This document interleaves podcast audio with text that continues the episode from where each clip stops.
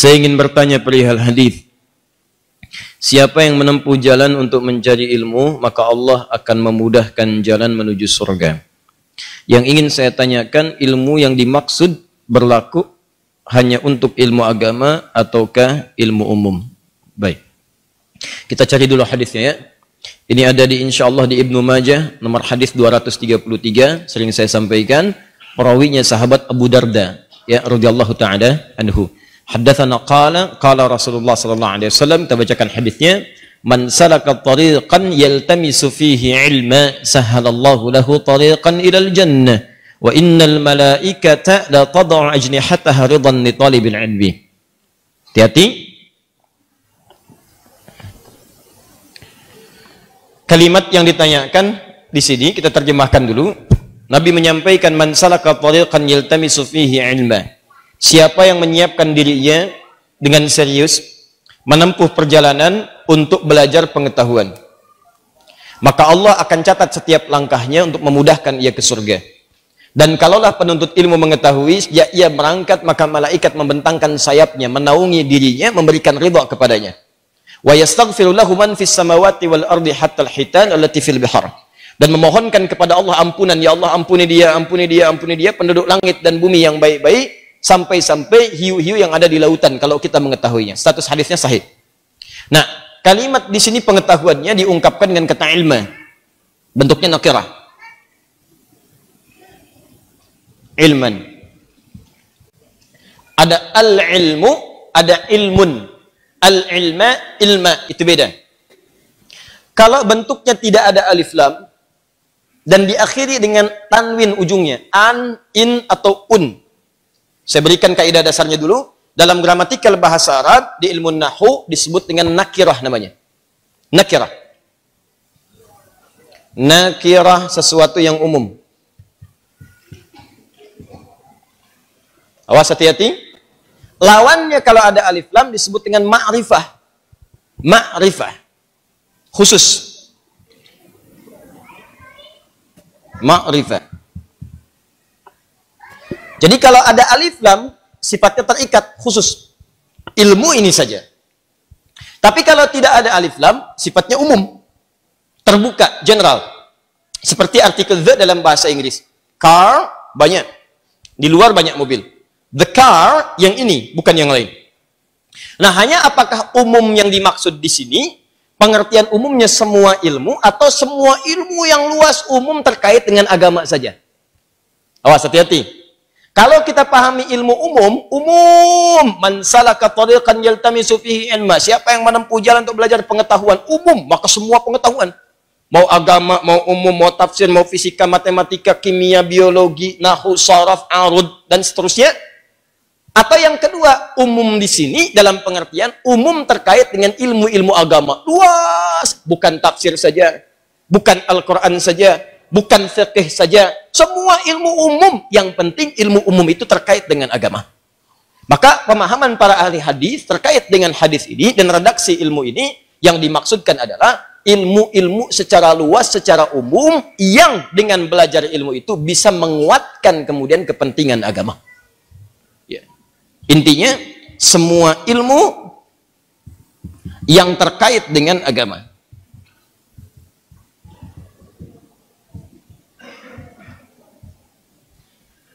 Nah, semua ilmu yang terkait dengan agama ini dibagi dua lagi. Bagi dua. Satu, cabang-cabang ilmu yang menguatkan akidah dan syariah. Agama disebut dengan ad-din, maka semua ilmu yang menguatkan ad-din spesifik itu disebut dengan yang dimaksud hadis ini. Misal, Al-Quran, ya, Anda belajar ilmunya disebut ulumul Quran. Bacaannya ilmu tajwid. Nanti penjelasannya ilmu tafsir. Turunan ke bawahnya nanti ada ilmu lughah. Ilmu lughah dibagi empat lagi. Nanti ada ilmu nahu. Setelah nahu ada saraf. Setelah saraf kemudian ada balaghah. Balaghah dibagi tiga lagi. Ada ilmu ma'ani, ilmu bayan, ilmu badi'. Kemudian ilmu arud. Ilmu arud dibagi 16 lagi disebut dengan bahar. Misalnya ada bahar tawil, ada bahar rajaz, ada bahar madid, dan seterusnya, seterusnya, seterusnya. Maka ilmu-ilmu ini termasuk fikih. Fikih dibagi lagi misalnya ada kawaid fikih, ada usul fikih, ada fikih muqarin dan turunan-turunan lainnya. Sekarang ada fikih aulawiyah. Maka semua ilmu-ilmu ini itu yang dimaksud dengan ilman di sini. Ilman. Termasuk hadis. Nanti ada dibagi lagi mustalah hadis. Ada mustalah hadis yang dirayah nanti, ada prakteknya riwayah, macam-macam. Dari mana taunya ini? Karena orang yang mencari hadis ini, ketika hadis ini tinggal ditemukan oleh seorang sahabat, jalan kaki dia. Konon beliau ini dari Al-Madinah, Al-Madinah Al-Munawwarah, hadisnya ditemukan di Syam, jalan kaki dari Madinah ke Syam. Kalau pakai kendaraan kurang lebih itu semalam, sehari semalam.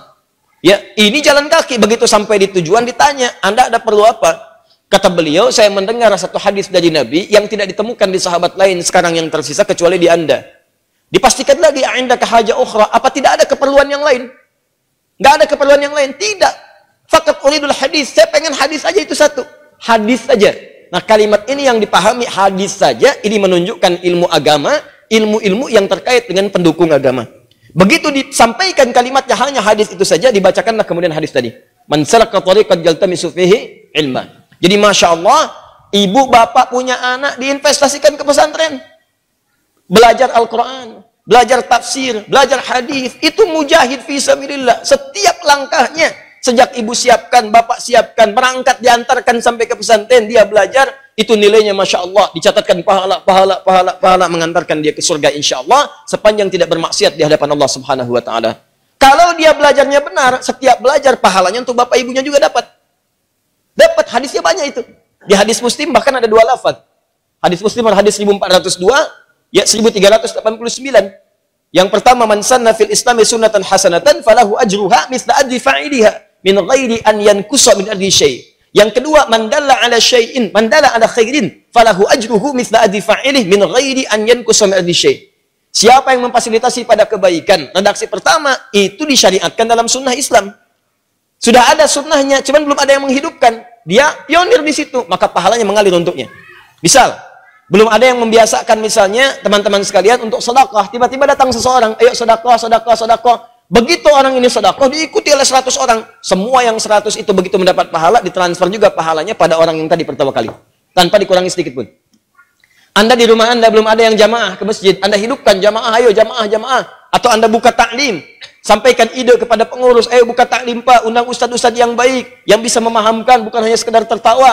Datang ustadz yang menerangkan, datang jamaah. Itu pahalanya mengalir untuk Anda sampai semua taklim itu selesai. Sepanjang ada taklim, Anda dapat pahalanya. Maka kebayang bagaimana orang tua. Awal-awal memang sedih, biasa. Tantangannya banyak, tapi nanti lihat, begitu wafat, Anda dapatkan apa yang telah Anda tanam. Insya Allah.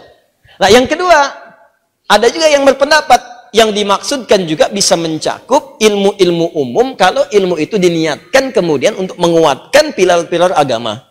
Untuk menguatkan pilar-pilar agama. Contoh Anda belajar matematika bukan sekedar untuk ngajar, tapi dengan itu hitungan-hitungannya membantu masalah-masalah dalam agama. Misal memecahkan masalah warisan. Ya, menghitung misalnya kalender-kalender waktu-waktu menetapkan untuk sholat. Kemarin saya ke Jepang, dari Jepang. Begitu sampai kemudian ke Tokyo, Teman langsung menyampaikan aplikasi. Dia ahli IT. Ada dua jenis aplikasi. Yang pertama, tadinya cuma bikin aplikasi-aplikasi umum. Sekarang ini, dia bikin aplikasi yang memudahkan contoh sholat pada orang-orang. Ilmunya IT. Enggak ada di fikih belajar IT. Ya. Babul IT. Bab tentang IT. Enggak ada. Bab taharah ada. Bab sholat ada. Tapi bagaimana mencontohkan orang sholat supaya mudah? Orang IT praktekkan itu. Ya antum terapkan di TV, bikin TV, di situ tampilkan taklim-taklim Islam yang bagus. Uh, pahala. Bisa serupa nilainya dengan yang belajar agama dan juga dengan yang ngisinya. Bisa serupa. Ada yang kedua bikin aplikasi Al-Quran untuk memudahkan hafalan. Ustaz, saya pengen bikin seperti ini. Konsep hafalannya menggunakan at-taisir. Mohon ridhonya Ustaz. Saya sudah buat ini, Alhamdulillah bermanfaat. Saya bilang silahkan, Masya Allah. Itu yang dimaksudkan. Antum misalnya belajar nih arsitek bikin desain masjid yang bagus, jalan-jalan yang kokoh, tempat wudhu yang bagus, pipa wudhu dipakai, pipanya tuh antum yang bikin, dipakai wudhu, semua orang wudhu antum dapat pahalanya. Makanya saya sering katakan semua ilmu itu terkait berkelindan. Kalau anda nggak niatkan ibadah, rugi, rugi anda. Coba berapa tahun anda kerja sampai dengan pensiun, berapa pahala yang dapatkan? Kalau cuma dunia nggak usah bangga dulu. Yang belum beriman pun dapat dunia. Lantas apa beda anda di hadapan Allah? Yang nggak beriman pun dapat dunia juga. Terus bedanya Anda di hadapan Allah apa? Apa yang mau dibanggakan? Meninggal juga. Meninggal juga. Begitu wafat selesai semuanya. Apa yang mau dibanggakan? Ya Allah Ta'ala a'lam bisawab. Jadi yang dimaksud di sini bisa terkait dengan ilmu-ilmu agama saja, bisa terkait dengan ilmu umum yang diniatkan kemudian juga untuk menguatkan pilar-pilar agama. Karena nanti ada bahasa-bahasa agama yang sekarang tidak bisa didefinisikan kecuali dengan hitungan-hitungan ataupun keterangan-keterangan kekinian. Al-Quran menerangkan tentang proses janin, lalu Anda belajar, belajar, belajar, belajar, diterapkan kemudian. Dari situ terinspirasi, bagus. Ya, Belajar matematika, fisika, sampai memetakkan kemudian jarak. Kan jarak kan disebutkan tiga farsah. Berapa konversinya hitungannya sekarang? 85 kilo. Ukurannya seperti apa? Orang kalau mau mikot kemudian, gelombang haji yang kedua, berangkatnya langsung ke Mekah. Itu mikotnya di mana? Ustadz di atas pesawat, pesawat melewati jalan lam berapa kecepatan pesawat? Eh? 800 km per jam. Begitu bis, bis, habis. Lewat tempatnya, bagaimana hukumnya? Dua kulah itu berapa volumenya?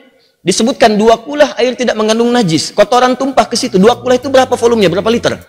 Nah, itulah kemudian yang saya maksudkan dengan ilmu-ilmu tadi. Maka mohon semua yang belajar baik di sekolah umum, apalagi sekolah agama, niatkan semua itu untuk meraih ridha Allah Subhanahu wa taala dan bukan sekadar mencari dunia tapi menguatkan pilar-pilar agama. Paham ya? Allah taala a'lam bissawab.